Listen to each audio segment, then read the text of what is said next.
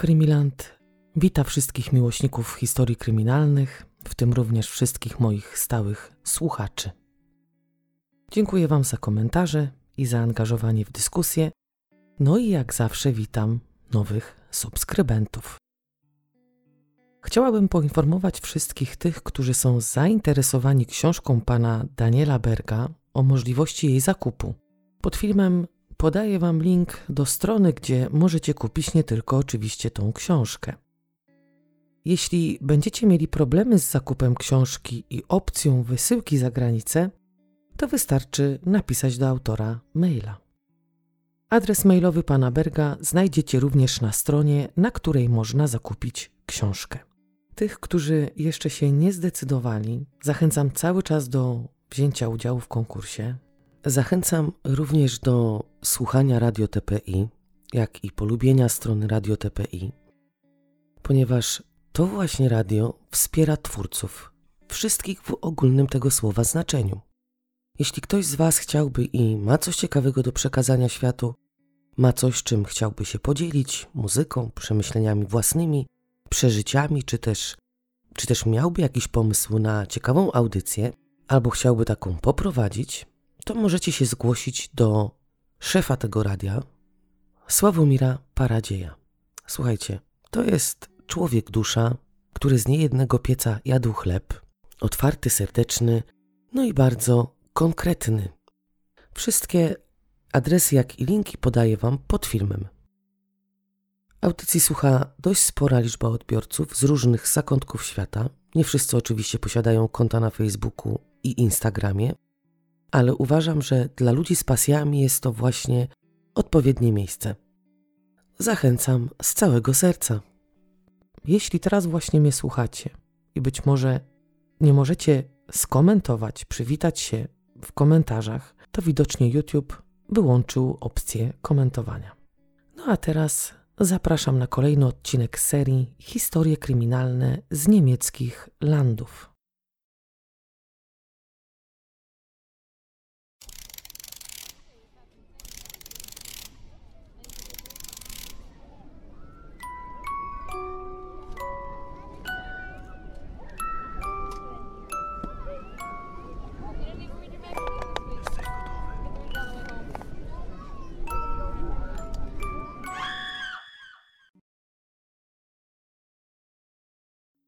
Będąc na urlopie, wczesnym rankiem, tak jak zawsze, wybrałam się na spacer.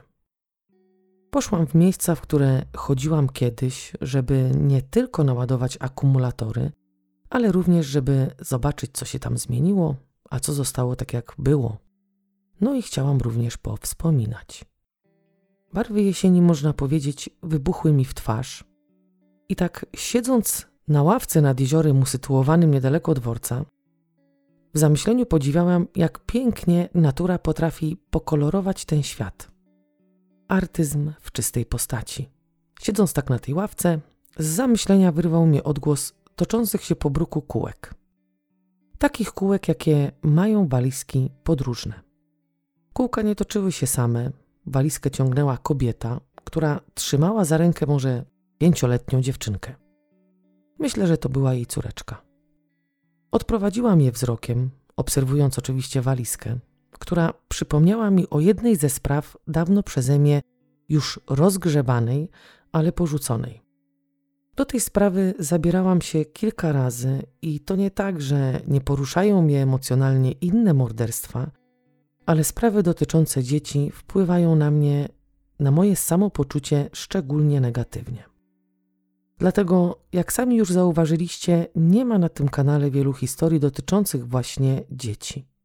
Staram się nawet nie słuchać spraw dotyczących tych małych ofiar i mogę powiedzieć, że słucham ich bardzo sporadycznie.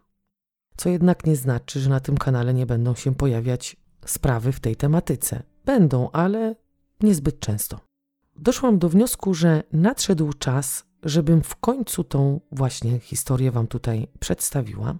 I z tego właśnie powodu zabieram Was dziś do Leipzig, do miasta, które według opinii wielu ma dużo związku z Polską. I nie mam tutaj na myśli tego, że ten związek z naszym krajem wiąże się tylko z tym, ilu naszych rodaków mieszka w tym mieście. Prawdę mówiąc, Polaków jest tam niezbyt dużo. Związek z Polską, o którym mowa, to nie tylko wymienienie partnerskiego miasta, jakim jest Kraków, ale również wspomnienie tutaj o Polskim Instytucie, który skupia się na Polsce w ogólnym tego słowa znaczeniu. W Instytucie wszyscy, którzy chcą, mogą zapoznać się z polską kulturą, polską historią, językiem, jak i polskimi zwyczajami. Dość sprawnie i dzielnie promują tam nasz kraj. No ale to nie tylko jedyny związek z Polską, ponieważ dawno, dawno temu, przez prawie 50 lat, to miasto było pod panowaniem polskim. A co za tym idzie wówczas w mieście, handel polskimi towarami szedł bardzo dobrze i pomimo tego, że te 50 lat minęło szybko, a od tych 50 lat czas przeleciał jeszcze szybciej, to do dziś Leipzig stara się utrzymać bardzo bliskie i dobre kontakty z Polską. No i można powiedzieć, że, że się im to udaje. W tym wielkim mieście wraz z mamą, tatą i dwoma braćmi, starszym o 3 lata i młodszym o 3 lata, mieszka ośmioletnia Michelle. Pięcioosobowa rodzina mieszka w jednym z apartamentowców. Nie są ani zbytnio bogaci, ani zbyt biedni. Wszystko jest w normie i wszystko biegnie w swoim niezakłóconym rytmie, jak i porządku dnia. A ten porządek dnia polegał na tym, że starsze dzieci były już na tyle samodzielne, że same chodziły do szkoły, sami się ubierali, jak i przygotowywały się same do wyjścia. Michelle do szkoły nie miała zbyt daleko. Było to 800 metrów, czyli około 10 minut pieszo. Prawdę mówiąc, to określenie nie miała do szkoły daleko można różnie postrzegać i osobiście myślę, że dla ośmioletniego dziecka to 800 metrów nie musi oznaczać blisko. Po drugie, Leipzig to nie jest małe miasto, więc ruch samochodów na ulicy jest jakby nie było wzmożony i chyba trochę bym się obawiała puścić dziecko pieszo. Wolałabym, żeby jeździł autobusem. No ale może nie było takiej możliwości, żeby dziewczynka dojeżdżała do szkoły miejską komunikacją i dlatego pokonywała tą drogę samodzielnie. Michelle jest dziewczynką wesołą, beztroską, dobrze się uczącą, jak i grzeczną. Nigdy nie zdarzało się tak, żeby nie wróciła na czas do domu. Była rzec można słowna. Ze szkoły wracała prosto do mamy jeśli gdzieś wychodziła do koleżanek, to trzymała się zawsze blisko domu, informowała mamę, gdzie jest i dokąd idzie. Czyli można powiedzieć, że życie tej rodziny toczyło się normalnie. Jest sierpień 2008 roku. W Saksonii trwają jeszcze wakacje. Wprawdzie są to już ostatnie dni wolne od szkoły, ponieważ w tym regionie w 2008 roku wakacje zaczęły się 14 lipca i trwały do 22 sierpnia. Ja należałam do tych rodziców, którzy cieszyli się z rozpoczęcia wakacji, ponieważ moja pociecha była tym typem dziecka, które zawsze w niedzielę wieczorem około godziny 22 nagle, a niespodziewanie Przypominało sobie, że albo musi mieć na poniedziałek blok rysunkowy, albo musi zrobić jakiś plakat, albo że musi mieć coś ekstra, co oczywiście trzeba było kupić. Dziś się z tego śmiejemy, ale dla mnie to był koszmar. Bałam się niedzielnych wieczorów i tylko czekałam w napięciu na dochodzące z przedpokoju ciche wołanie: Mama! Od razu wiedziałam o co chodzi. A że mój syn ma, można rzec, trochę więcej ze mnie, jeśli chodzi o charakter, to w sumie nie powinno mnie to jego zapominalstwo, jak i roztrzepanie dziwić. Także ja szczerze cieszyłam się na wakacje, a z rozpoczęcia szkoły jakoś nie bardzo, bo moje dziecko dodatkowo trenowało pływanie, lekkoatletykę, piłkę ręczną i nożną. Także wiecie, dzieciak był bardziej skierowany w sport i kto by tam pamiętał, że trzeba do szkoły zrobić sześcian. Ja miałam to szczęście, że moje dziecko na wakacje najczęściej wyjeżdżało do mojej mamy na Mazury. Oczywiście nie na całe dwa miesiące, bo w trakcie wakacji miał również rozłożony plan treningowy. Ale wiem doskonale, że są tacy rodzice, którzy nie mają możliwości wysłania dzieci do babci, cioć, wujków, czy też na jakieś kolonie i muszą kombinować, żeby poradzić sobie z opieką nad małą pociechą w okresie tych dwóch miesięcy. W Niemczech dla takich dzieci, które zostają w wakacje w domach, a rodzice pracują, w szkołach organizowane są tak zwane Ferienspiele, czyli programy wakacyjne podczas których dzieci mają do godzin popołudniowych kreatywnie organizowany czas. Nie jest to darmowe, a to w jakiej wysokości trzeba uiścić opłatę zależy od landu, jak i od tego, czy szkoła mieści się w mieście, czy też na wsi. Wielu rodziców korzysta z takich zorganizowanych wakacji, bo po pierwsze dziecko będzie zaopiekowane podczas nieobecności rodziców w domu, a po drugie dzieci nie tylko eksploatują tam swoją energię, ale również uczestniczą w zajęciach, które pomagają im się kreatywnie rozwijać, budują szałasy w lasach, obserwują jak i poznają życie zwierząt, mają zorganizowane wyjścia do kin, zoo, malują, szkicują, grają na instrumentach, uczą się języków, bawią się. Wszystko zależy od tego, na jaki program wakacyjny taki maluch zostanie zapisany. Z takiego rozwiązania skorzystali również rodzice Michelle. Zapisali dziewczynkę do jej grupy wiekowej na taką wakacyjną szkołę. Zajęcia codziennie oprócz sobót i niedziel kończyły się około 15. Także w okresie wakacyjnym pokonywała tą samą drogę do szkoły pieszo. Dziewczynka zawsze wracała na czas do domu i nigdy, tak jak już wspomniałam, nie zagapiła się na coś po drodze, nie zagadała się z koleżanką, ani nie szła przez cały Leipzig do domu. Była słowna, co oczywiście nie znaczy, że mogłaby kiedyś tam odstąpić od tych zasad, których się trzymała. Każdy z nas wie, bo każdy był dzieckiem, że czasem się zapominało dojść do domu na czas. Nadszedł poniedziałek 18 sierpnia 2008 roku.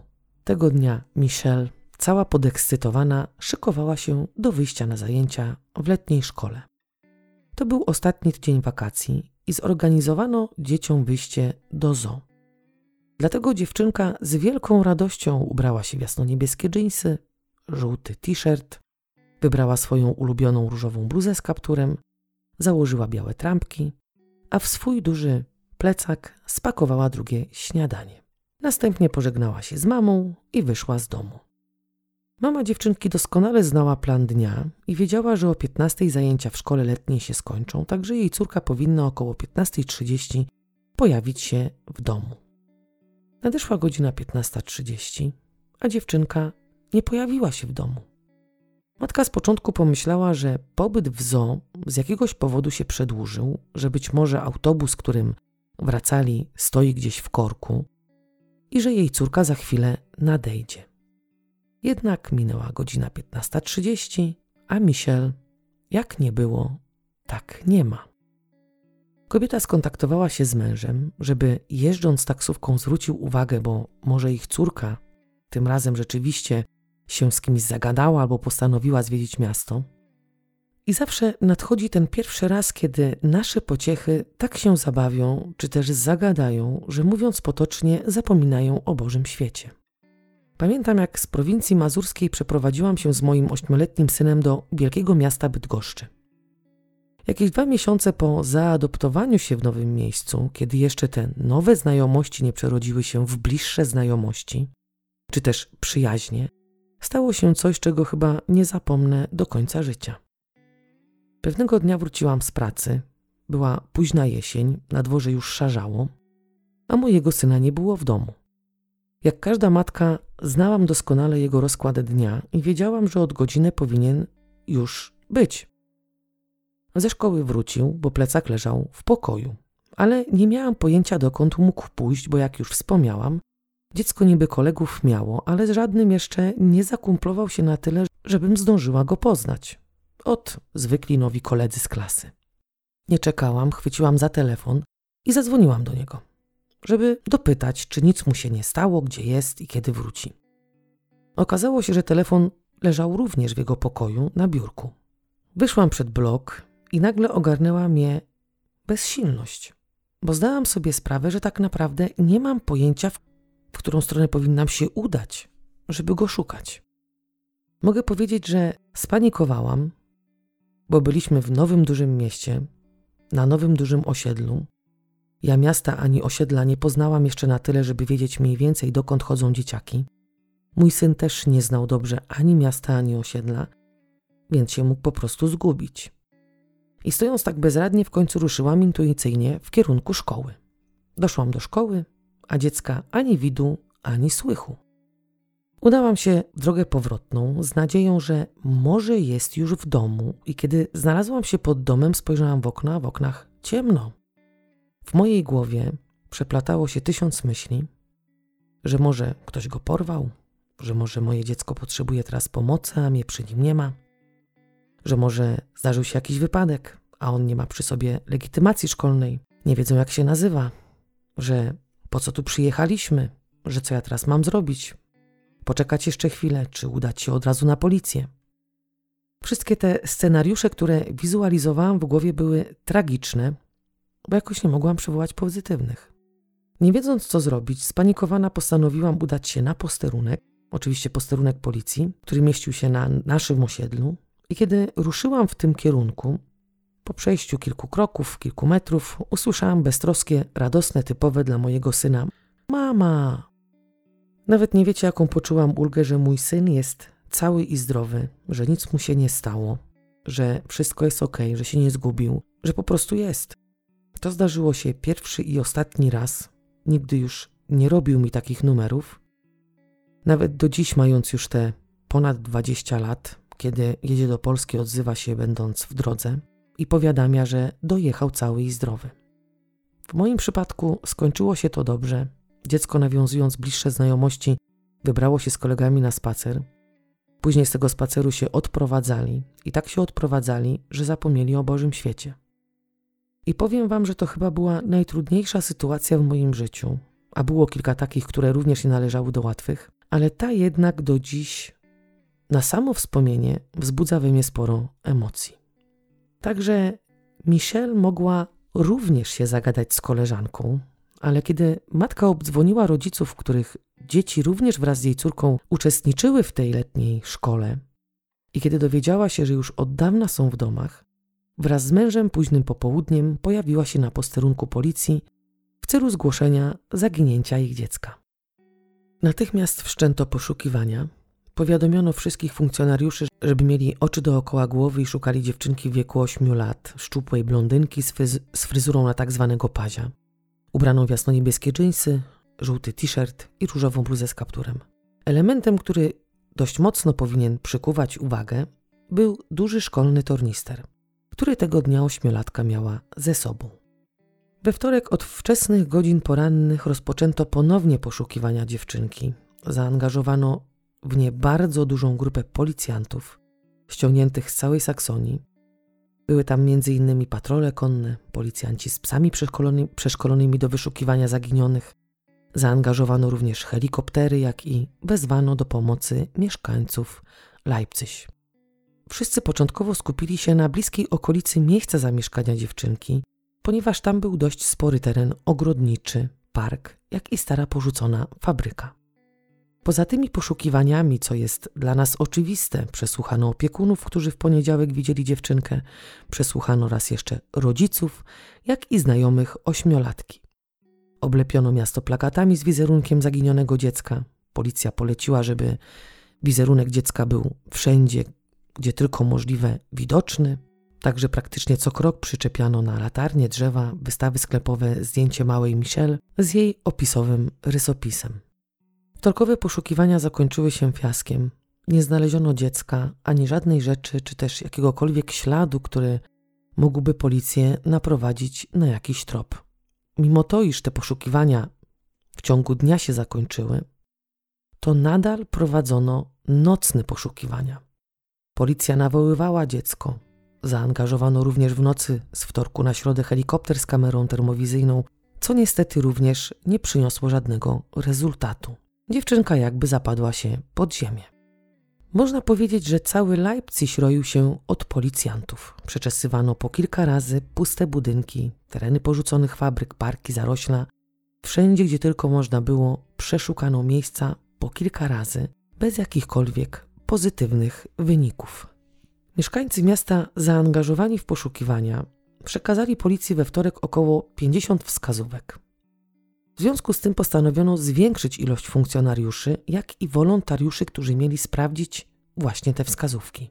Właściciele firm przekazali policji nagrania z monitoringów.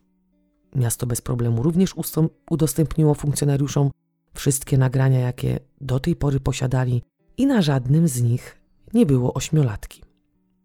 Nadeszła środa, a dziecka jak nie było, tak nie ma. Policja postanowiła tego dnia skupić się na pustych budynkach. Szukali zawzięcie dziewczynki, jednak bez żadnego pozytywnego skutku.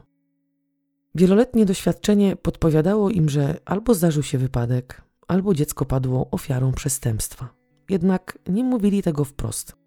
Na pytania dziennikarzy odpowiadali po prostu, że mają nadzieję, że znajdą dziewczynkę całą i zdrową.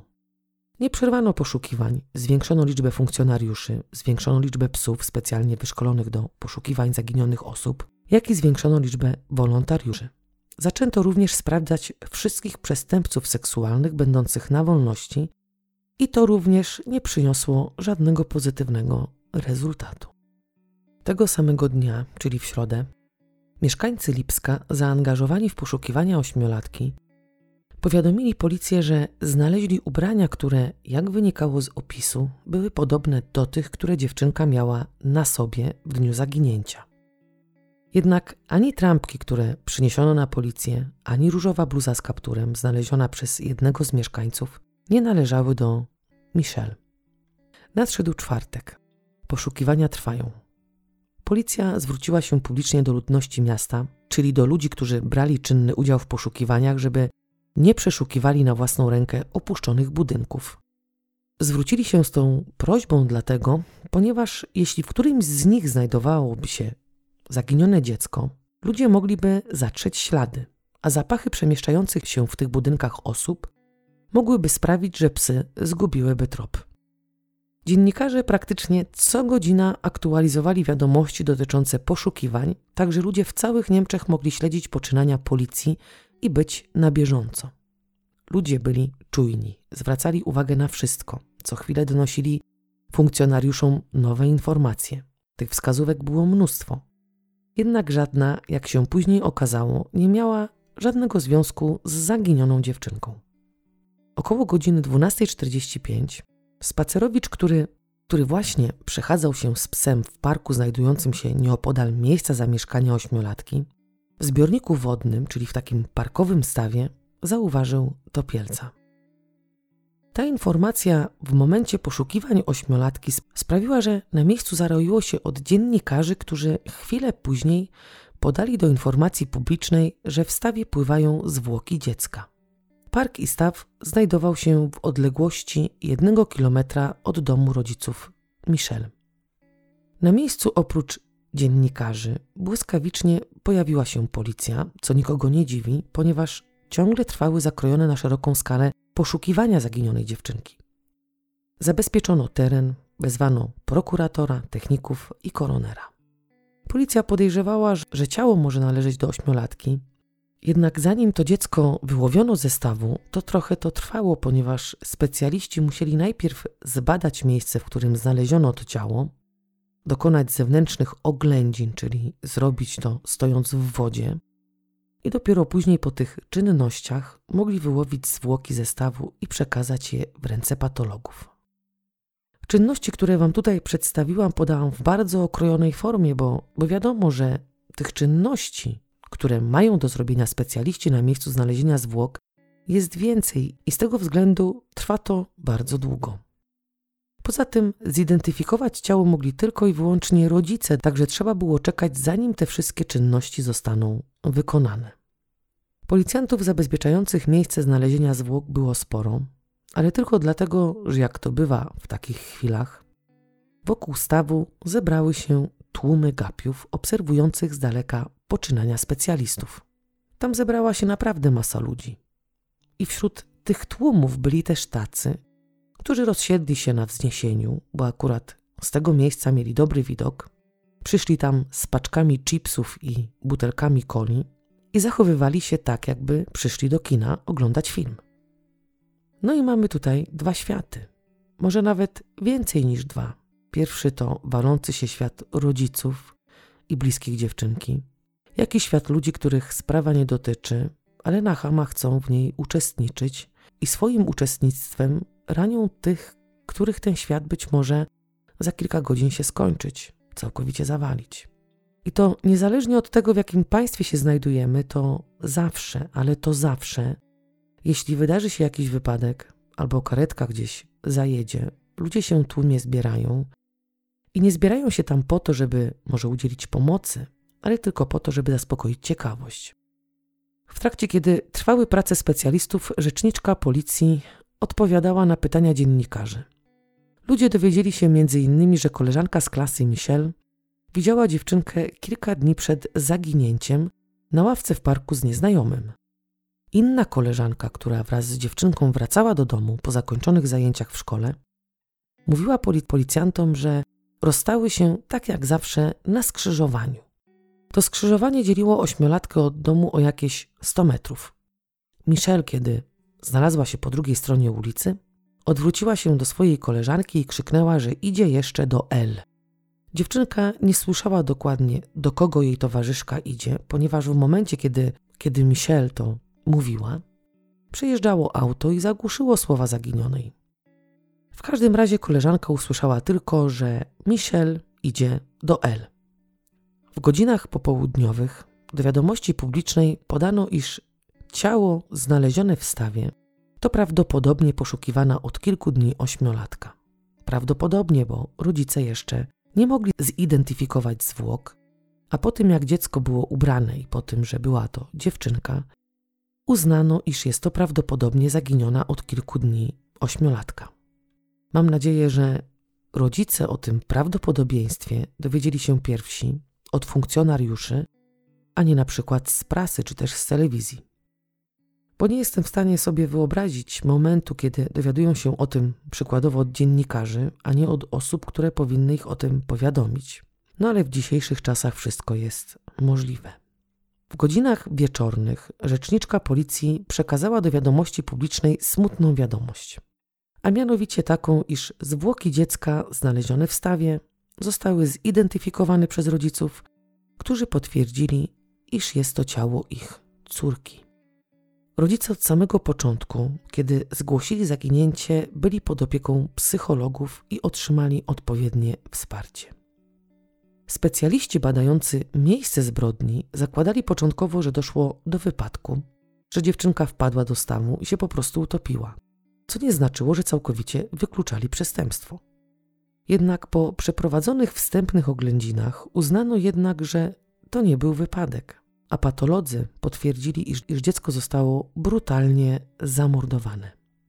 Natychmiast, tak jak zawsze, przy każdym tego typu morderstwie czy zabójstwie, została zwołana specjalna komisja SOKO, w której szeregi wciągnięto około 180 najlepszych specjalistów z całej Saksonii.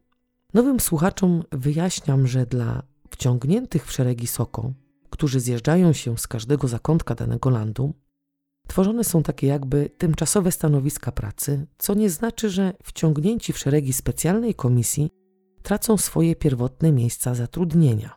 Nie, oni je zachowują. W takiej komisji znajdują się nie tylko śledczy, są tam również prokuratorzy, lekarze sądowi, technicy kryminalistyczni, no i czasem profilerzy. Są to ci specjaliści, którzy na swoim koncie mają najwięcej rozwiązanych spraw kryminalnych, jak i są zdani z tego, że ich ocena sytuacji zawsze była jak najbardziej trafna. Wiadomo, im więcej specjalistów, tym lepsze działania, więcej pomysłów i więcej możliwości. Na czele każdej komisji staje szef i to on ma decydujące zdanie, które dotyczy czynności, jakie trzeba podjąć, żeby na przykład ująć sprawcę. No ale szef takiej komisji to nie cudotwórca i musi każde badanie, czy też chęć przeszukania jakiegoś miejsca, przeszukania mieszkania, ustalić z jeszcze wyższymi rangą od niego personami, które zwracają się do tych, którzy mają wyłożyć na takie działania pieniądze. A wiadomo, wszystko kosztuje, bo stworzone nowe stanowiska dla tylu specjalistów znajdujących się w danej komisji również są opłacane. Oni nie pracują tam za darmo. Po drugie, nie dojeżdżają codziennie do pracy, tylko są cały czas na miejscu. Taka komisja SOKO zakładana jest z reguły na co najmniej rok. W trakcie trwania tego roku, jeśli nie ma żadnych rezultatów, liczba wciągniętych specjalistów się zmniejsza, a po roku, jeśli praca tych wszystkich ludzi nie przynosi żadnego rezultatu, jest po prostu likwidowana. czyli wszyscy wracają na swoje pierwotne stanowiska pracy. Nie zawsze takie komisje działają sprawnie, nie zawsze w takich komisjach jest pełne porozumienie i zgoda. Dochodzi tam często do spięć i czasem nie są to tylko potyczki słowne, bywa też ostrzej. Ponieważ, jak już Wam wspomniałam, jedni forsują przemyślenia czy też pomysły innych i często dochodzi tam do kłótni. No a i tak decydujące zdanie ma szef takiej komisji. Co jeszcze jest ważne, to nie oszukujmy się, ale kiedy w takich głośnych sprawach, zaginięciach, za pomocą pracy SOKO taka sprawa jest szybko rozwiązana, to po takim sukcesie są awanse, a jak są awanse, to i są większe zarobki, prestiż, no i szanse na wspięcie się na sam szczyt kariery policyjnej. I właśnie z tego powodu zdarza się, że takim specjalistom, nie mówię, że wszystkim, zależy na szybkim awansie, rozgłosie, a nie na znalezieniu prawdziwego sprawcy. Łapią nie tego, kogo trzeba, zajmują się nie tym, czym trzeba i często pomijają ważne tropy. Takie skandale miały miejsce w wielu komisjach, a o jednym z nich opowiadałam Wam w dwóch odcinkach Niewidzialnej Dziewczynki. I to nie tak, że każda komisja SOKO to ludzie, którym zależy na jak najszybszym awansie i liczy się dla nich tylko i wyłącznie kariera. Są takie sprawy, które rzeczywiście zasługują na najwyższe odznaczenie i szacunek. Wracając do wydarzenia w Leipzig, to po identyfikacji zwłok dziecka miejsce zbrodni było nadal przeszukiwane przez policję. Wszyscy ci, którzy uczestniczyli w poszukiwaniach, zastanawiali się, dlaczego wcześniej nie znaleziono dziewczynki. Okolice stawu, jak i sam staw, były już kilkakrotnie przeszukiwane i niczego tam nie znaleziono. W związku z tym śledczy jednogłośnie ustalili, że ciało zostało tam podrzucone przez mordercę, ale w jaki sposób to zrobił i jak mu się to udało, tego nie potrafił wyjaśnić nikt. Wiadomo, w okolicy roiło się od funkcjonariuszy i dziwnym było to, że sprawca niezauważony przez nikogo przetransportował ciało dziecka i nie zwrócił na siebie uwagi. Kiedy odnaleziono zwłoki dziewczynki, rozpoczęła się dosłownie pogoń za sprawcą. Profilerzy starali się ustalić, kim był, jak żył, jak wyglądało jego dzieciństwo, jakie mógł mieć wykształcenie, jak i to, w jakim środowisku mógł się obracać. Chciano jak najszybciej ująć sprawcę, ponieważ mógł dokonać następnej zbrodni. Inni specjaliści, można rzec, dzień i noc przeglądali nagrania z miejskich monitoringów, a nagrań było naprawdę dużo, więc siedzieli i śledzili każdą minutę, starając się niczego nie przeoczyć. Można powiedzieć, że chyba najbardziej skupili się właśnie na tych nagraniach, ponieważ rok wcześniej doszło również w Leipzig do morderstwa dziecka i dzięki właśnie nagraniom z monitoringów ujęto sprawcę. Widocznie w tej sprawie uznano, że nagrania mogą ich również na coś konkretnego naprowadzić. Inni zastanawiali się nad tym, kim była tajemnicza osoba, której imię, nazwisko czy też przezwisko rozpoczynało się na literę L. Jednak w najbliższym otoczeniu zamordowanego dziecka nie było nikogo, kogo dane personalne zaczynałyby się właśnie na tą literę. Poszukiwano również dużego tornistra, jak i różowej bluzy z kapturem, którą dziewczynka miała ze sobą w dniu zaginięcia. Przeszukiwano również dno stawu, w którym znaleziono zwłoki. Wodę ze stawu oczywiście wypompowano i grzebano w mule w nadziei, że uda im się coś znaleźć. Pod apartamentowcem, w którym mieszkała dziewczynka z rodzicami i rodzeństwem, ludzie zapalali znicze, kładli maskotki, zostawiali liściki, przynosili kwiaty, płakali i wpatrywali się w okna mieszkania, w którym ofiara mieszkała wraz z rodziną. Być może wypatrywali rodziców Michelle albo któregoś z jej braci. Być może chcieli swoją obecnością wesprzeć pogrążoną w smutku rodzinę, albo może chcieli zobaczyć na własne oczy, czy rodzina cierpi. Rodzice dziewczynki natomiast, przeczuwając to, co się będzie działo, wyjechali z miasta, ponieważ po pierwsze bali się o swe dzieci. Chodzi tu o to, że morderca był przecież jeszcze na wolności, a po drugie chcieli chronić braci Michel. Opinia publiczna chciała wiedzieć, co się tak naprawdę stało z dziewczynką i czy policja jest na tropie sprawcy. Detektywi natomiast w udzielaniu informacji byli ostrożni, i to było celowe, ponieważ uznano, iż sprawca, który z pewnością śledził poczynania policji, Chciał również wiedzieć, czy mają jakieś znaczące ślady w postaci np. DNA, a śledczy natomiast chcieli, żeby wiedział jak najmniej, żeby popełnił jakiś błąd, żeby może poczuł się bardziej pewny siebie i zwierzył się komuś z tego, co zrobił. Po drugie, znane są przypadki, że na policję wyzwaniają wariaci, którzy przyznają się do popełnienia danego czynu. Jeśli informacje z autopsji byłyby ogólnodostępne, to w więzieniu można by było posadzić każdego przyznającego się do winy. Nie zdradzano zatem sposobu, w jaki została zamordowana dziewczynka, nie zdradzano ustaleń profilerów, nie mówiono o tym, czy znaleziono jakieś ślady na dnie stawu, który w celu przeszukania został wypompowany. Nie mówiono kompletnie nic w tym temacie. Jawnie natomiast mówiono o tym, że są na tropie sprawcy, że go, cytuję, dopadną, albo że sam się w krótkim czasie zgłosi na policję. To akurat prawdopodobnie było ustalone przez profilerów, którzy uznali, że sprawca albo targany wyrzutami sumienia, czy też czujący oddech śledczych na karku, zgłosi się do nich sam. Podano również do wiadomości publicznej informacje na temat poszukiwania rzeczy należących do dziewczynki, czyli różowej bluzy z kapturem i dużego plecaka. Zwracano się do wszystkich z prośbą o to, żeby jeśli znajdą te dwie poszukiwane rzeczy przez policję, zachowali środki ostrożności, żeby nie zatrzeć jakichkolwiek śladów. No i żeby zachęcić potencjalnych świadków do wskazania sprawcy, czy też do pomocy w ujęciu go i zgłoszenia na, tego na policję, wystawiono nagrodę w wysokości 10 tysięcy euro. Nadszedł poniedziałek, 22 sierpnia 2008 roku. Rozpoczął się rok szkolny. Wszędzie, niezależnie od tego, czy to w Polsce, czy poza granicami Polski, nauczyciele pierwszego dnia wspominają z dziećmi wakacje, pytają o to, co ich uczniowie widzieli, co przeżyli, gdzie byli, czyli prowadzą takie zajęcia na luzie. W szkole, do której chodziła Michelle, ten dzień miał wyglądać zupełnie inaczej, ponieważ nauczyciele mieli z dziećmi rozmawiać o zamordowanej ośmiolatce. Jeden z Belforów mówił dziennikarzom, że jeśli dzieci będą chciały, to będą mogły napisać listy do nieżyjącej już ośmiolatki albo coś jej narysować. Czyli jednym słowem, nie miał to być rutynowy dzień, niczym, niczym nie różniący się od innych dni. To miał być smutny i pełen przeżyć początek roku szkolnego. W kościele, do którego uczęszczała rodzina dziewczynki, zaplanowano w sobotę mszę w intencji zamordowanego dziecka. Na mszę przybyło ponad 350 osób. Palono znicze, kładziono wycinki z gazet z wizerunkiem Michelle. Jak i mówiono o tym, że kary za molestowanie dzieci powinny być w tym kraju, czyli w Niemczech, surowsze, że w końcu państwo powinno coś z tym zrobić, bo jak tak dalej pójdzie, to coraz więcej będzie ofiar wśród dzieci.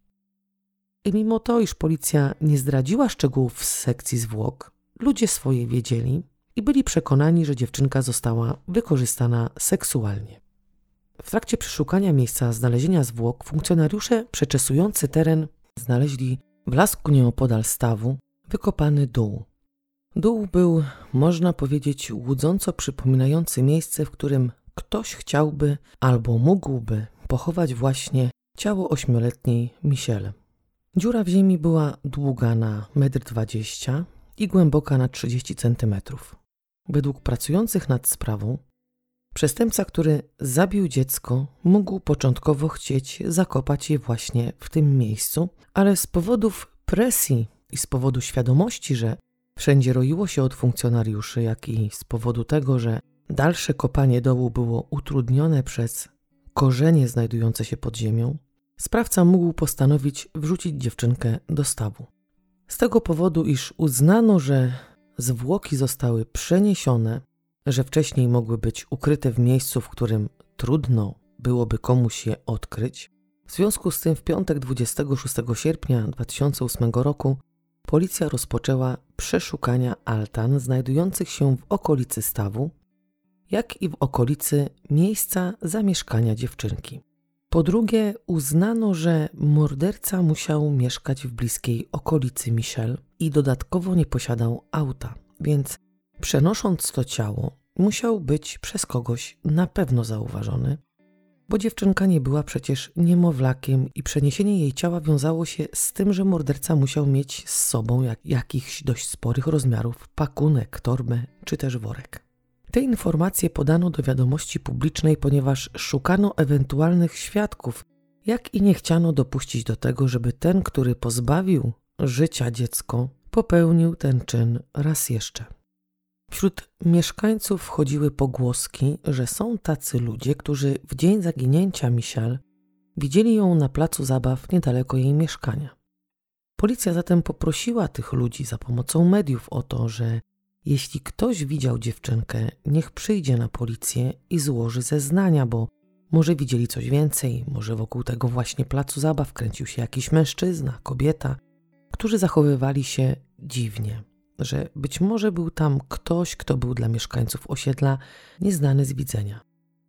W tym całym rozgardiaszu, w tych poszukiwaniach, Urząd Porządku Publicznego poinformował, że 29 sierpnia w poniedziałek jest planowana parada, marsz, który organizują środowiska prawicowe. One właśnie zwołują również ludność miasta do wzięcia udziału w marszu.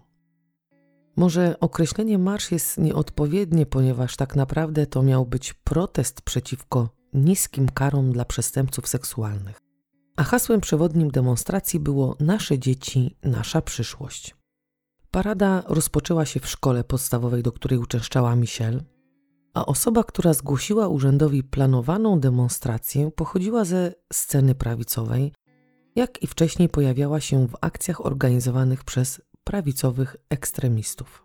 Burmistrz miasta natomiast apelował do mieszkańców, żeby ci nie brali udziału w demonstracji. Mówił, że rozumie gniew i złość z powodu morderstwa, że rozumie obawy rodziców, którzy teraz, dopóki sprawca nie zostanie ujęty, drżą o życie własnych dzieci. Mówił również, że rozumie wzbierającą złość na przepisy prawne, które prawdę mówiąc chronią przestępców. Według burmistrza miasta neonaziści, nawołujący do wzięcia udziału w marszu, chcieli wykorzystać aktualną sytuację do tego, żeby protestować przeciwko ustawom i móc później mieć, mówiąc kolokwialnie, podkładkę do forsowania ustawy przeciwko przywróceniu kary śmierci. Burmistrz apelujący do ludzi mówił również, że neonaziści nie mają na celu uszanowania godności małej dziewczynki, nie mają na celu uszanowania woli rodziców, którzy nie chcą takich akcji, bo o tym mówili, którzy chcą w spokoju przejść żałobę, bo o tym wspominali. I według niego nawołujący do buntu chcą po prostu na tym straszliwym czynie ugrać to, co próbują już od dawna ugrać, ale im nie wychodzi. Rodzice ofiary z powodu presji, jak i tego, że do dziennikarzy doszła informacja, iż młodszy brat matki Michel należy właśnie do sceny prawicowej, wypowiedzieli się na ten temat publicznie. Mówili o życiu w ciągłym koszmarze, o dramacie, jaki przeżywają, o niemocy i bezsilności, jaka ich ogarnia. Dziękowali ludności, jak i policji za pomoc w poszukiwaniach ich córki, dziękowali za empatię i łączenie się z nimi w bólu po stracie dziecka, ale poprosili również o to, że jeśli odbędzie się pogrzeb, to chcą, żeby uszanowano ich wolę i nie przychodzono tłumnie na cmentarz, żeby dziennikarze również nie robili z tego sensacji, nie fotografowali, nie filmowali chwili, w której ich córka będzie chowana na cmentarzu. Jeśli chodzi o środowiska prawicowe i to, że młodszy brat matki dziewczynki jest neonazistą, małżeństwo wyraziło się dobitnie i krótko i w tym momencie, zacytuję ich słowa, powiedzieli: Nie chcemy mieć nic wspólnego z tym brązowym bagnem. Ojciec dziewczynki dodał również, że nie będzie już przekazywał swemu szwagrowi żadnych informacji dotyczących śledztwa, ani tego, co oni jako rodzice zamierzają. Szwagier również nie znał aktualnego adresu pobytu jego siostry, jak i siostrzeńców. Ludzie między sobą, pomimo iż nie popierają polityki środowisk prawicowych, mówili, że neonaziści mają poniekąd rację, że przestępcy seksualni, chodzi tutaj o pedofili, są traktowani przez prawo pobłażliwie, że są poddawani terapiom, które i tak niczego nie zmieniają, bo siatki pedofili są potężne i często kierowane przez ludzi wysoko postawionych. Szeroko wówczas dyskutowano o tym, że prawo jest celowo tak ustanowione, żeby ich właśnie chronić, a nie karać. Ogólnie to wśród ludzi emocje sięgały zenitu. Poszukiwania sprawcy trwały. Śledczy poddali badaniom wszystkich przestępców seksualnych, którzy byli na wolności, a było ich około 250. Chodziło konkretnie o sprawdzenie ich alibi. Jeden z nich po badaniu w sprawie morderstwa popełnił samobójstwo. Mężczyzna był przez ostatnie kilka dni odwiedzany przez policję. Jak te odwiedziny wyglądały? Czy wszystko odbywało się spokojnie? Tego niestety nie wiem, ale myślę, że być może policja nie była w stosunku do niego delikatna. Nie chodzi tu oczywiście o pobicie, ale o rozmowę. Prawdopodobnie sprawca nie wytrzymał po prostu presji, a po jakimś czasie jego prawdopodobny udział w zbrodni został całkowicie wykluczony. Jak nam wiadomo, komisja Soko trzymała w tajemnicy wyniki sekcji zwłok, jak i tego, co sprawca zrobił dziewczynce. To ukrywanie faktów nie miało na celu cenzurowania, jak to bywało za czasów panowania ustroju komunistycznego, ale tak jak już wspomniałam, chciano, żeby sam sprawca wiedział jak najmniej na temat toczącego się śledztwa i żeby żadni wariaci nie wydzwaniali i nie przyznawali się do dokonania tego czynu, albo żeby nie mówili, że ktoś im się do tego przyznał. Niestety jednak nie dało się pewnych rzeczy ukryć i pewnego dnia w prasie brukowej Bild pojawiła się informacja, że Michelle według raportu patologów została wykorzystana seksualnie i uduszona. Jak już Wam o tej prasie wspominałam, jest to prasa, która bazuje na sensacji, nie zachowując żadnej etyki dziennikarskiej. Już nie raz i nie dwa doszło do skandalu z udziałem właśnie Bilda. Już nie raz i nie dwa inni dziennikarze uświadamiali czytelników, żeby zrezygnowali z kupowania tej gazety, bo dziennikarze tam zatrudnieni nie mają żadnych skrupułów. Im zależy tylko na nakładzie i wywołaniu sensacji. Co nie znaczy również, że nie piszą tam prawdy, że fakty, o których mowa w artykułach, są informacjami wyssanymi z palca. Nie. To nie są fantazje dziennikarskie, ale szanujące się gazety piszące artykuły, jak i ludzie opierający się na artykułach, nie opierają się na bildzie bo według nich nie byłoby to profesjonalne. No, ale nie tylko Bild puścił tą informację w obieg. Lokalna miejska prasa również pisała o wynikach z autopsji. Rzeczniczka policji powiedziała, że nigdy nikomu nie udostępniono informacji z raportu sekcji zwłok i że Bild schrzanił im pracę i zrobił policji niedźwiedzią przysługę. Redaktor naczelny Bilda w liście do, szef, do szefa policji w Leipzig Horsta Wawrzynskiego Napisał, że nie zgadza się z falą krytyki, która wylała się na pracowników jego redakcji. Nie zgadza się, ponieważ informacje, jakie zostały przekazane opinii publicznej, nie są informacjami, które mogłyby spowodować, iż sprawca ucieknie na drugi koniec świata albo zatrze jakieś ślady, które mogłyby go zdradzić. Lokalna gazeta natomiast również oświadczyła, że już od dawna wiedzieli o wynikach z autopsji, jednak nie podawali tego do wiadomości publicznej. Ale kiedy Bild o tym napisał, oni postanowili również o tym wspomnieć. Redaktorzy naczelni zaznaczyli, że policja nie podała do wiadomości publicznej, iż nie wyrażają zgody na trzymanie w tajemnicy informacji z raportu patologów, a ludzie przecież mają prawo wiedzieć. No i oczywiście ludzie mają prawo wiedzieć, ludzie chcą wiedzieć, więc dziennikarze im te informacje w pełni udostępniają niezależnie od tego, w jaki sposób one zostały przez nich zdobyte. W związku z tymi wypływającymi informacjami, jak i ciągłym prowadzeniem śledztwa, Komisja Soko postanowiła po pierwsze zrobić roszadę wśród wciągniętych w szeregi specjalistów, ponieważ uznano, że któryś z nich wynosi informacje i jeśli przekazał raporty z autopsji, to może również dalej wynosić wszystko, co zostało ustalone. Po drugie, postanowili przeprowadzić masowe badania DNA i owe testy genetyczne miały zostać przeprowadzone w momencie, kiedy nie będą już mieli żadnych punktów zaczepienia. Czyli to posunięcie miało być takim ukrytym asem w rękawie. Dwa miesiące po znalezieniu ciała dziewczynki szeregi Soko zostały zmniejszone o 100 specjalistów. Mówiono w prasie, iż otrzymano ponad tysiąc wskazówek, które oczywiście były sprawdzane. Pisano również o tym, że dwie osoby wzajemnie oskarżyły się o dokonanie morderstwa, ale zostało to wykluczone po przeprowadzonych badaniach DNA. Nie wiadomo nic w temacie tego tajemniczego kogoś, którego imię czy nazwisko, albo też pseudonim zaczynało się na literę L.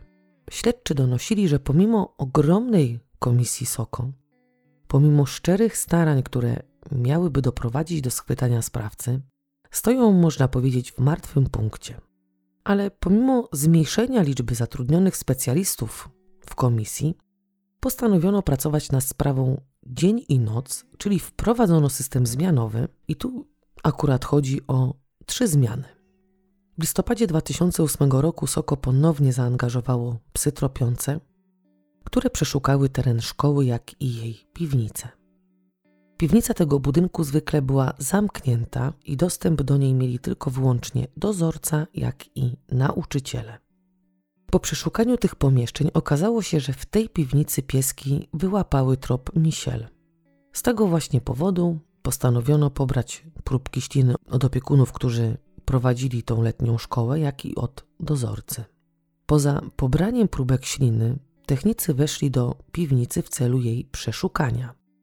Ale nie jakiegoś takiego rozejrzenia się po pomieszczeniu, tylko tu chodziło o znalezienie jakich, jakichkolwiek śladów krwi, które mogłyby należeć do ośmiolatki. Soko było przekonane prawie na 100%, że dziewczynka była w szkolnej piwnicy. Nie wiedzieli tylko kiedy i nie wykluczali, że dziecko mogło tam być na długo przed swoją śmiercią. Na wyniki analiz pobranych próbek trzeba było czekać tydzień, no i po tygodniu okazało się, że wyniki pobranych próbek nie są zgodne z DNA sprawcy. Minął listopad, grudzień i nadszedł styczeń 2009 roku. Śledztwo nadal trwa, jednak bez żadnych pozytywnych skutków. Wielu mieszkańców zaczynało tracić wiarę w możliwości śledczych, a już całkowicie zostało to zachwiane w momencie, kiedy cały Leipzig obiegła wiadomość o próbie uprowadzenia dziecka. Nieudana próba porwania miała miejsce w tej samej dzielnicy, w której wraz z rodziną mieszkała Michelle.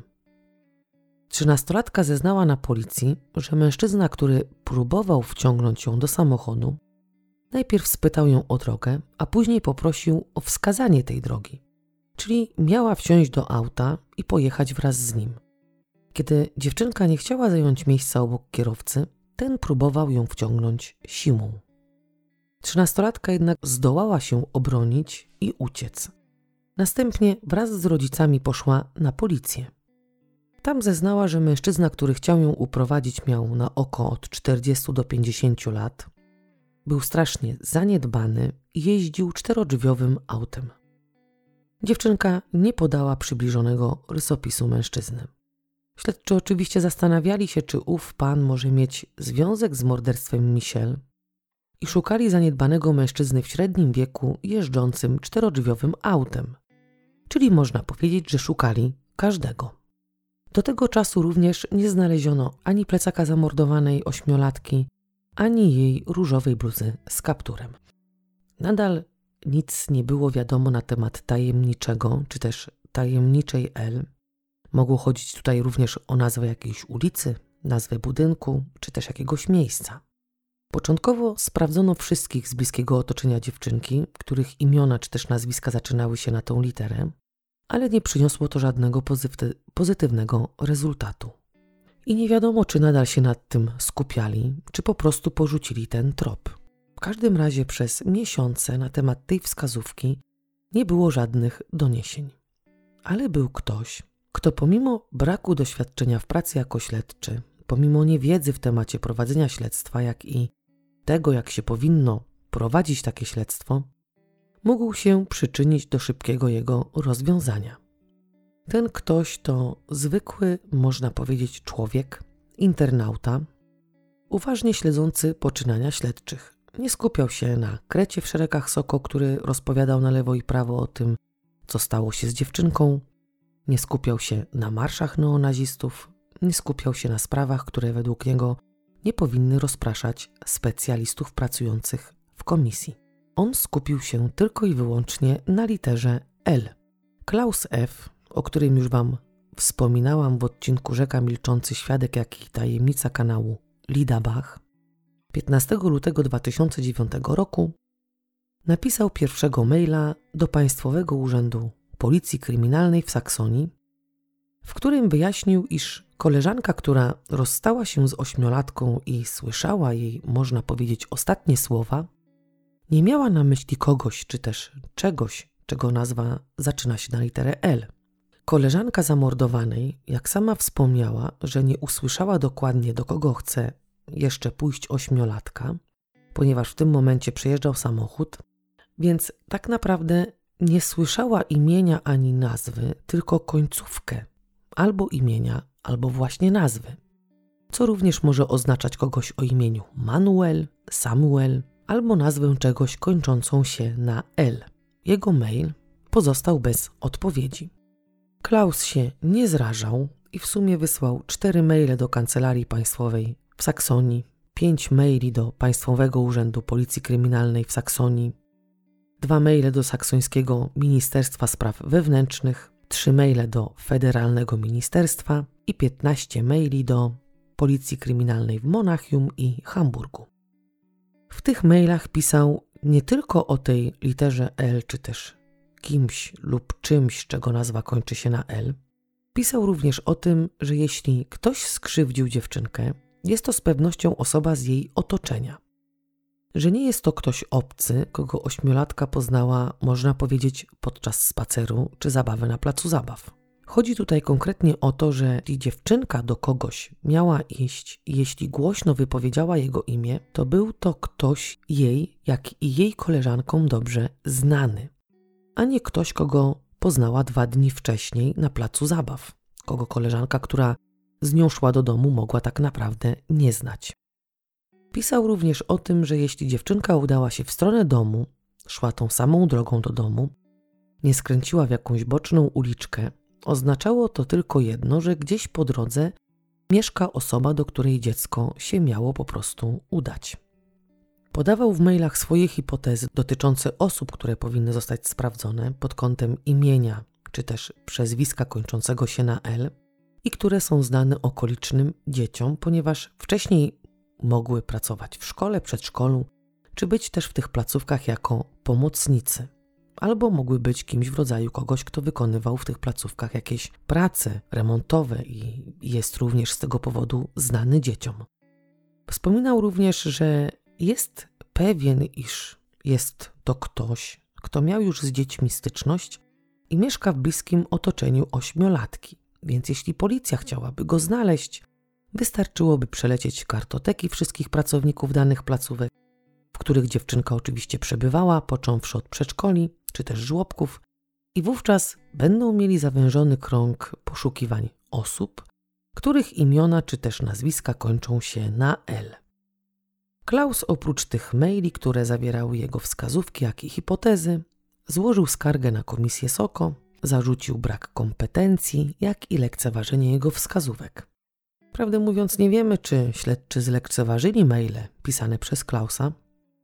Nie wiemy też, czy te maile dotarły do śledczych z SOKO. Być może potraktowali je z góry i nawet nie przeczytali, albo może przeczytali i rozważali hipotezy podane przez Klausa, jednak, jednak jedno jest pewne, nikt mu nie odpisał. Skargę złożoną przez internautę do prokuratury generalnej w Dreźnie odrzucono, ponieważ nie było żadnych podstaw ku temu, żeby uznać, iż, iż śledczy nie robią nic w kierunku rozwiązania sprawy i że nie są kompetentni.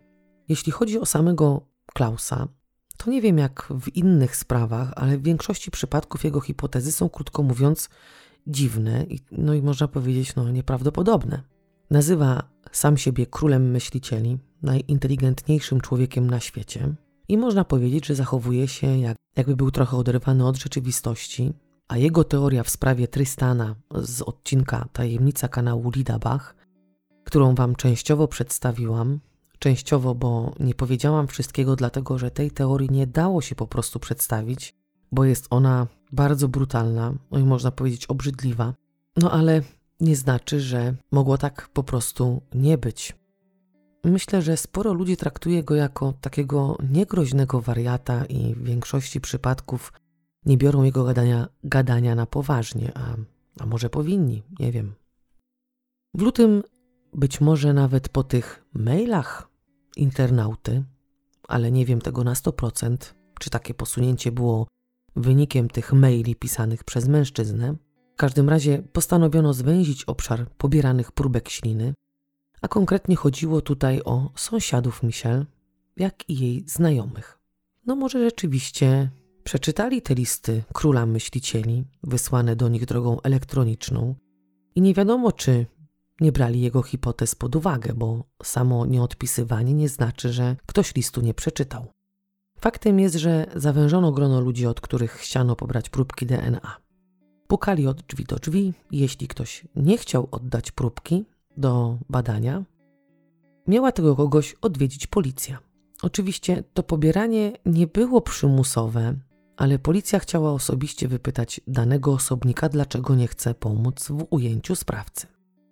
Na początku marca 2009 roku na posterunku w Leipzig pojawiła się starsza kobieta i młodszy mężczyzna. Oznajmili, że mają coś wspólnego ze sprawą morderstwa Michel. Osiemnastolatek i jego matka złożyli zeznania, że w poniedziałek wieczorem jakiś nieznajomy przyniósł nastolatkowi worek z ciałem dziewczynki w środku i kazał mu się tego worka pozbyć. On, wiedząc i zdając sobie sprawę z tego, co się wydarzyło w sąsiedztwie, ze strachu pod osłoną nocy wyrzucił ciało dziewczynki do stawu. No ale policja koniecznie chciała wiedzieć, co to za nieznajomy, jak wyglądał, o której godzinie dokładnie przyniósł mu ciało dziecka, co dokładnie mówił, co robił, czy miał jakieś znaki szczególne, czyli wypytywali o wszystko, co tylko było możliwe. Osiemnastolatek wymyślał historie, które nie trzymały się kupy i nie miały w ogóle żadnego sensu. Gubił się w zeznaniach, aż w końcu po wielogodzinnych przesłuchaniach przyznał się do tego, że to on zamordował dziewczynkę. Przesłuchanie przybrało całkiem inny obrót i wstępnie uznano, że jest to rzeczywiście sprawca, ponieważ opis przebiegu zdarzenia pokrywał się z obrażeniami, jakie zostały opisane w raporcie z autopsji. Osiemnastoletnim mordercą dziewczynki był Daniel V. Nastolatek urodził się z trisomią chromosomu ósmego. Nie jestem lekarzem, także powiem Wam mniej więcej, jak ja to rozumiem. Jeśli powiem coś źle, to mnie po prostu poprawcie. Trisomia chromosomu ósmego to wada genetyczna objawiająca się w wyglądzie, jak i zaburzająca pracę wielu narządów wewnętrznych.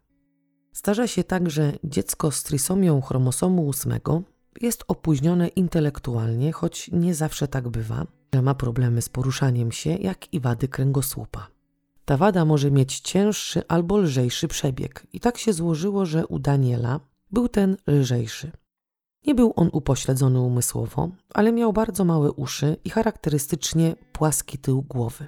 Chłopak ukończył szkołę średnią i robił Ausbildung jako asystent społeczny. Daniel mieszkał z matką, bardzo bliskim sąsiedztwie zamordowanej dziewczynki, jakieś 50 metrów od jej domu. Micheliak i jej koleżanki znały go dobrze, ponieważ rok wcześniej odbywał staż w szkole, do której uczęszczała dziewczynka i w której on sam się jako dziecko uczył. Nie widniał w kartotekach policyjnych i śledczy tłumaczyli się właśnie tym, że z tego właśnie powodu, że nie, nie widniał w tych kartotekach, nie był dla nich widoczny. Ale czy na pewno? Niektóre źródła podają, że Daniel już wcześniej przed stażem w szkole miał staż w przedszkolu i tam zauważono jego dziwne zachowanie względem dzieci. Prawdopodobnie dotykał je w dziwny sposób. Przedszkole przerwało jego staż i nie pozwoliło mu na ponowne odbycie nauki, więc poszedł do szkoły, która została jakby nie było poinformowana o dziwnych zachowaniach Daniela. Ale mimo wszystko pozwolono mu odbyć tam praktykę i nigdzie tego nie zgłoszono. Może gdyby to zrobiono dziś, dziewczynka cieszyłaby się życiem.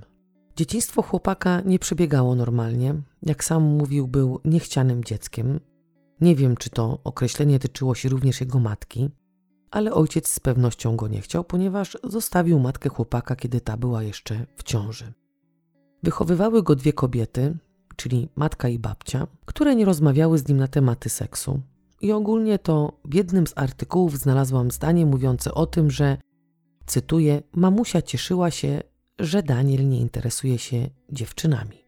Rówieśnicy, krótko mówiąc, nie traktowali go dobrze, wyśmiewali jego niezdarność i wygląd, często go popychali, jak i wyzywali. Daniel dość szybko wpadał w złość i był agresywny. Ale ta złość i agresywność może mieć również podłoże w tym, jak był przez kolegów i koleżanki traktowany, także różnie można było na to patrzeć. W niedzielę, kiedy osiemnastolatek wraz z matką pojawili się na policji, w godzinach przedpołudniowych został poinformowany o tym, że pojawi się u niego policja, żeby pobrać próbkę śliny. Bo jak już wspomniałam, do tych, którzy nie chcieli się poddać dobrowolnie badaniom, przychodziła policja. No i po południu, kiedy zjadł obiad, odstawił talerz i bez żadnych emocji, od tak po prostu jakby mówił do matki, dzięki było smaczne, powiedział, że mordercą Michel jest on.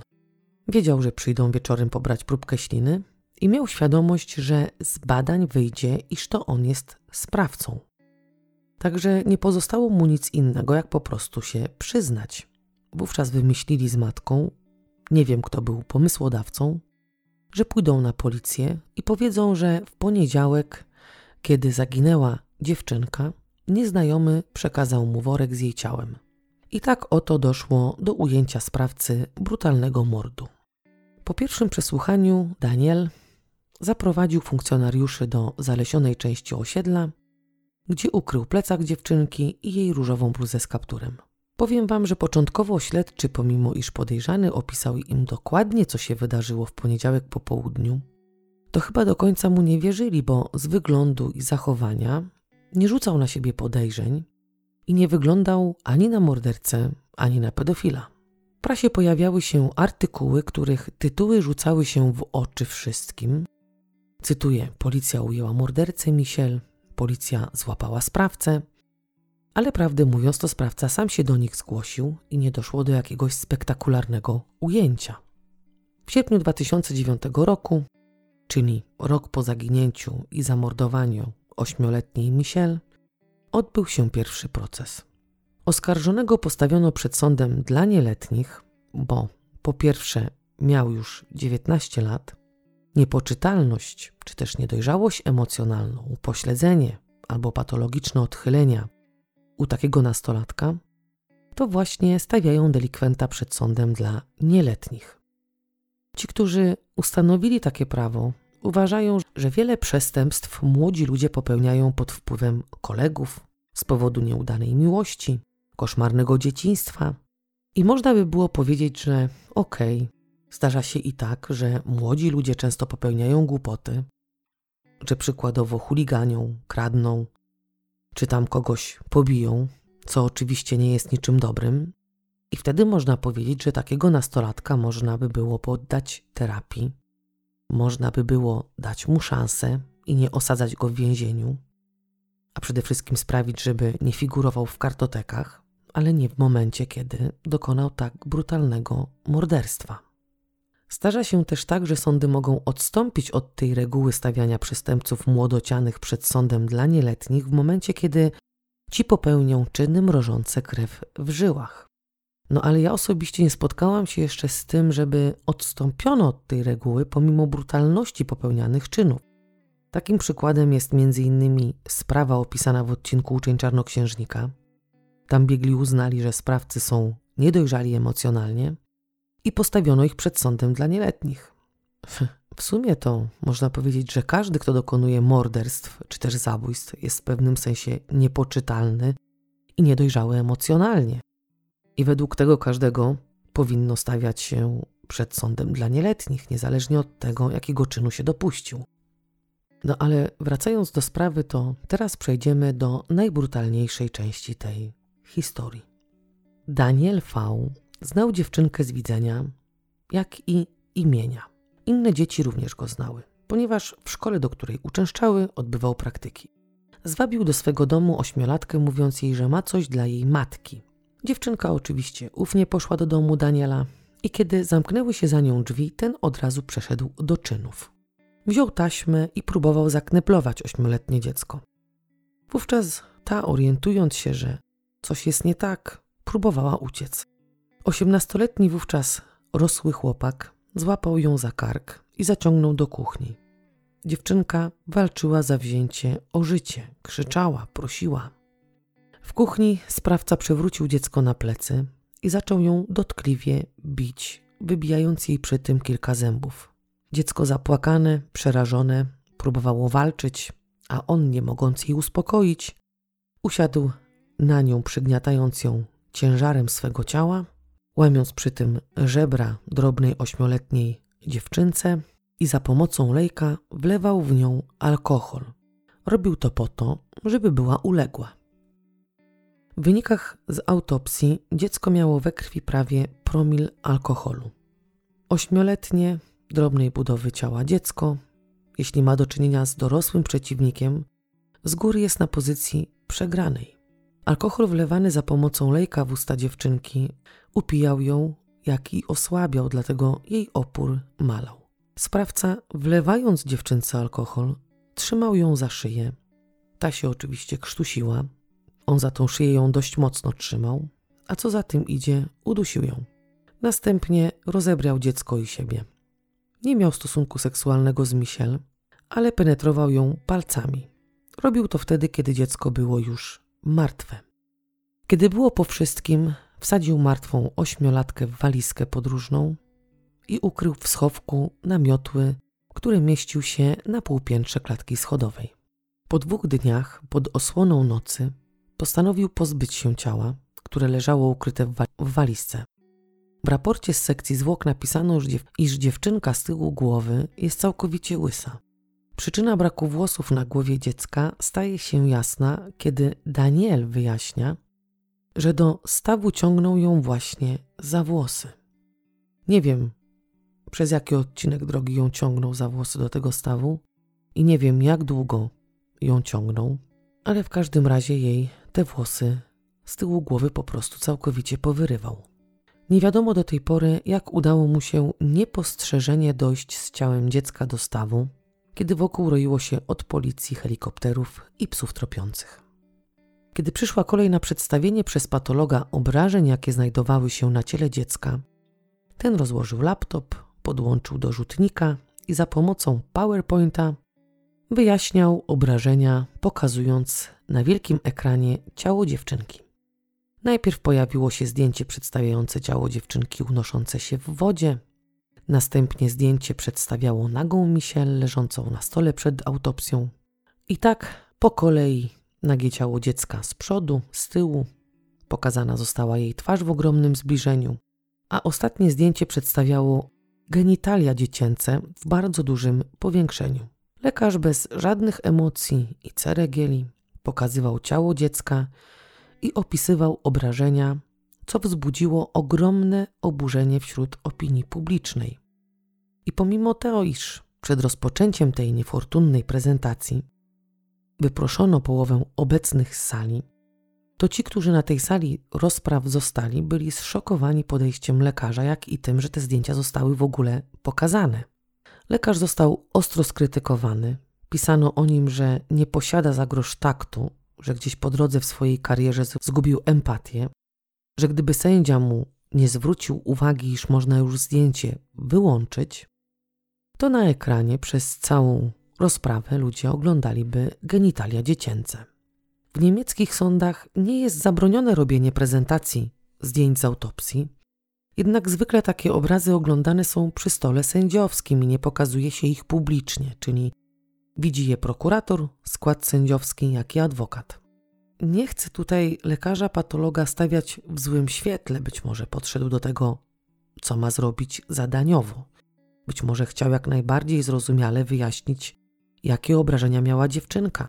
Być może również chciał tymi zdjęciami wpłynąć na wyrok, na to, żeby chłopaka postawiono przed sądem dla dorosłych, a nie dla nieletnich. Nie wiemy po prostu, dlaczego w taki sposób zachował się lekarz, ale według opinii dziennikarzy, jak i opinii ludzi, którzy wówczas zostali na sali rozpraw, lekarz obdarł to dziecko z resztek godności. Malte Heise, adwokat Daniela, który był znany z procesu innego mordercy, który rok przed Danielem zamordował dziecko w Leipzig, nazywał swego klienta, cytuję, niedorozwiniętym nastolatkiem, choć upośledzenia umysłowo u niego nigdy nie zdiagnozowano. Tłumaczył również przed sądem, że jeśli ktoś zasługuje na szansę, to właśnie Daniel, że on widzi w nim potencjał, że da się go jeszcze naprawić. A prawdą jest to, że oskarżony dopiero na sali rozpraw zdał sobie sprawę z tego, co zrobił. Tak przynajmniej sam mówił, czyli nie wiadomo, czy rzeczywiście tak po prostu uważał, czy tak kazał mu powiedzieć adwokat. Skoro na sali rozpraw zdał sobie sprawę z tego, co zrobił, to wychodzi na to, że po morderstwie nie uważał, żeby zrobił coś złego. W trakcie poszukiwania go również nie. I gdyby nie te próbki, które policja miała od niego pobrać, to pewnie do dziś nie stawiłby się na policję i nie przyznał do popełnionego czynu. I co najgorsze, nie schwytano by go. Adwokat dziewiętnastolatka, bo kiedy rozpoczął się proces, Daniel miał już 19 lat, tłumaczył w sądzie, że jego klient nie jest pedofilem, że to po prostu chora miłość. Że jego klient nie postrzegał ośmiolatki jako partnerki seksualnej, tylko jako coś w stylu lalki. Szokujące podejście, bo jeśli każdy pedofil będzie tłumaczony chorą miłością i postrzeganiem dzieci jako lalki, z którymi można wszystko zrobić, to nie wiem, jak ten świat będzie za kilka lat wyglądał. W każdym razie adwokat wnosił o łaskę, poddanie terapii jego klienta, bo jak już wspomniałam, widział w nim potencjał do poprawy. Człowiek, który nie ma żadnych kompetencji do wydawania diagnoz, uznał, że jego klient pedofilem nie jest, że od tak po prostu potraktował dziewczynkę jak lalkę. Daniel V został oskarżony za napaść kwalifikowaną, za znęcanie się nad dzieckiem, pobicie i morderstwo z niskich pobudek na tle seksualnym. No i jeśli został postawiony przed sądem dla nieletnich, to doskonale wiemy, że nie dostał dożywocia, ponieważ najwyższy wyrok w sądzie dla nieletnich to 10 lat pozbawienia wolności, a zazwyczaj osadzeni, skazani na 10 lat, wychodzą po odsiedzeniu 7 lat i prowadzą dalej swoje życie, zakładają rodziny, prowadzą firmy, no i żyją jedni mniej szczęśliwi, a inni bardziej szczęśliwi. Daniel V został skazany na 9 lat i 6 miesięcy pozbawienia wolności.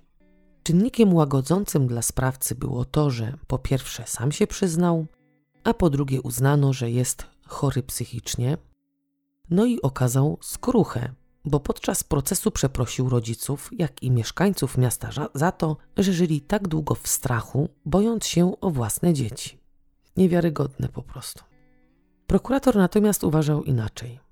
Ponieważ Daniel od miesięcy planował gwałt właśnie na Michelle, planował jak to zrobi, świadomie wykorzystał dziecięcą naiwność i zwabił ją do swojego mieszkania. Później ją maltretował, bił, aż w końcu bojąc się konsekwencji, bo dziewczynka mogłaby powiedzieć rodzicom, co się stało, udusił ją. Czyli był jak najbardziej świadomy i jak najbardziej poczytalny. I to, co teraz tutaj powiem, może Was zszokować, bo sąd być może i skazałby Daniela na jeszcze niższy wyrok, ale obawiano się w mieście rozruchów, jak i protestów. Więc skazano go, można powiedzieć, że prawie na najwyższy wyrok, na jaki skazuje się przed sądem dla nieletnich. Adwokaci w Niemczech, nie wiem czy w Polsce też, powiadają, że lepsza paka niż psychiatryk, ponieważ na wyjście z więzienia jest jakaś tam szansa, a z psychiatryka już nie. No i pod wpływem namowy swego adwokata oskarżony nie pozwolił się zbadać biegłemu psychiatrze. Biegły mógł jedynie obserwować oskarżonego i po przejrzeniu jego życiorysu, jak i obserwacjach, doszedł do wniosku, że Daniel w obawie przed odrzuceniem rówieśników, co zdarzało się praktycznie cały czas, przerzucił się na słabsze osoby, czyli dzieci, z którymi zapragnął również mieć kontakty seksualne. Specjalista nie mógł jednoznacznie powiedzieć, czy była to perwersja, czy jednorazowy wyskok, ponieważ bez badań nie da się tego jednoznacznie określić. Badania biegłego miały na celu wydania opinii, czy u oskarżonego nastąpił rozwój perwersji, czy miał jakieś fantazje sadomasochistyczne, gdzie obiektem tych fantazji seksualnych są dzieci. Jeśli by tak było, to skutkowałoby to zamknięciem go w szpitalu psychiatrycznym, co mogłoby również być jednoznaczne z wyrokiem dożywocia, bo wypuszczono by go tylko wtedy, kiedy lekarze uznaliby, że nie zrobi już nikomu krzywdy. Adwokat jednak uważa, że jego klient nie ma fantazji związanych z dziećmi. Oczywiście nie mając żadnych kompetencji ku temu, sam po prostu swego klienta zdiagnozował i uznał, że lepsze jest zamknięcie go w jakiejś placówce socjoterapeutycznej, gdzie można by było go leczyć. No i oczywiście tak postanowiono. Rodzina dziewczynki nie uczestniczyła w procesach, nie mieli na to siły i nie chcieli się mierzyć z kimś, kto pozbawił życia ich dziecko. Życie tej rodziny zmieniło się diametralnie po tym, jak znaleziono ciało ich córki, wyprowadzili się z Leipzig, a jak się wyprowadzili, to stracili pracę, czyli byli bezrobotni na utrzymaniu państwa. Podejrzewam, że być może ze znalezieniem pracy nie byłoby problemów, ale trzeba się zastanowić nad tym, czy po stracie dziecka, po takiej wielkiej traumie, poczuciu niesprawiedliwości, człowiek ma na tyle siły psychicznej w sobie, żeby myśleć o pracy i w ogóle o czymkolwiek. Ich najmłodsze dziecko, z tego co mi wiadomo, jeszcze w 2009 roku nie miało pojęcia o tym, co się stało z jego siostrą. Nie wiedział, że ona nie żyje. Po odczytaniu wyroku wypowiedzieli się w prasie, że wiedzą, iż żaden wyrok i żadna kara nie przywróci ich dziecka do życia. Ale wyrok, na jaki został skazany sprawca, ich zszokował i oburzył. Według nich, jak i opinii publicznej, Daniel nigdy nie powinien wyjść na wolność. Podczas procesu sprawca napisał list do rodziny, w którym przepraszał za to, co zrobił. Nie wiem, czy napisał list sam od siebie, bo targały nim wyrzuty sumienia, czy zrobił to za namową swego adwokata. Ale chyba jestem bardziej za tą drugą opcją. List jednak został mu odesłany. Po roku odsiadki przeniesiono Daniela V do więzienia w Bawarii, w tym, w którym go osadzono, był znany i obawiano się, że może mu się stać krzywda. Dlatego przez rok siedział w całkowitym odosobnieniu, nie wychodził na spacery, nie miał kontaktu ze, z żadnym z osadzonych. Dlatego bardzo cieszył się, że go przenoszą i że będzie miał tam kontakt ze współosadzonymi. W 2015 roku powinien wyjść na wolność, ale pomimo szczerych starań nie znalazłam żadnej informacji w tym temacie. Także nie mogę Wam powiedzieć, czy na 100% wyszedł, czy po prostu siedzi nadal, ale być może tak jest, że jednak jest wolny, być może zmienił miejsce zamieszkania. I być może nawet zmienił nazwisko.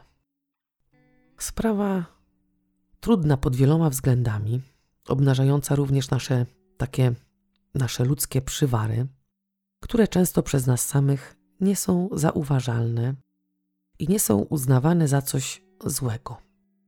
Chodzi mi tutaj o tą w cudzysłowie widownię na wzniesieniu z paczkami chipsów i kolą, obserwującą wyławianie ciała zamordowanej dziewczynki ze stawu. Mówię tutaj o podejściu neonazistów, choć poniekąd może niektórzy z Was przyznają im rację, że powinno się przywrócić karę śmierci. Być może nawet i ja, kiedy opracowuję takie historie, też momentami myślę, że powinno się kary śmierci przywrócić, ale zaraz później zastanawiam się, co z tymi, którzy są niewinni, a zostaliby przykładowo skazani na szubienicę. Dlatego szczerze Wam powiem, że mam mieszane uczucia w tej kwestii. No i nie mam konkretnego stanowiska. Mówię również o lekarzu medycyny sądowej, który bez zastanowienia obnażył małą dziewczynkę. Podszedł do niej jak do obiektu badań. Zapomniał o tym, że ma do czynienia z człowiekiem, małym dzieckiem, które przed śmiercią przeżyło męki. Mówię tutaj o adwokacie, któremu zależy tylko i wyłącznie na rozgłosie, bo im więcej o nim się mówi, tym więcej klientów. Nie zależało mu na sprawiedliwym osądzie, choć, po, można powiedzieć, że zachował się zgodnie z tym, jak powinni zachowywać się adwokaci, czyli dbał o interes klienta. Mówił tak pięknie, jak pięknie mu zapłacono. Mówię tutaj również o matce Daniela, która próbowała swego syna chronić i bardziej przerażała ją opinia ludzi i to, że jej synek trafi na długie lata do więzienia niż to, co zrobił. Choć może nie powinnam jej oceniać, bo sama jestem matką i nie wiadomo, co jeszcze mnie w życiu czeka. Mówię tutaj o całokształcie tej historii. Sprawa trudna, bardzo poruszająca i pozostawiająca po sobie takie poczucie niesprawiedliwości. Mam tylko nadzieję, że rodzina dziewczynki jakoś podniosła się z tej traumy, choć zdaję sobie sprawę z tego, że nigdy ich życie nie będzie już takie samo, jak było przed. Ale mam nadzieję, że prowadzą to życie w miarę normalnie. Życzę Wam jak zawsze wszystkiego dobrego i do usłyszenia wkrótce.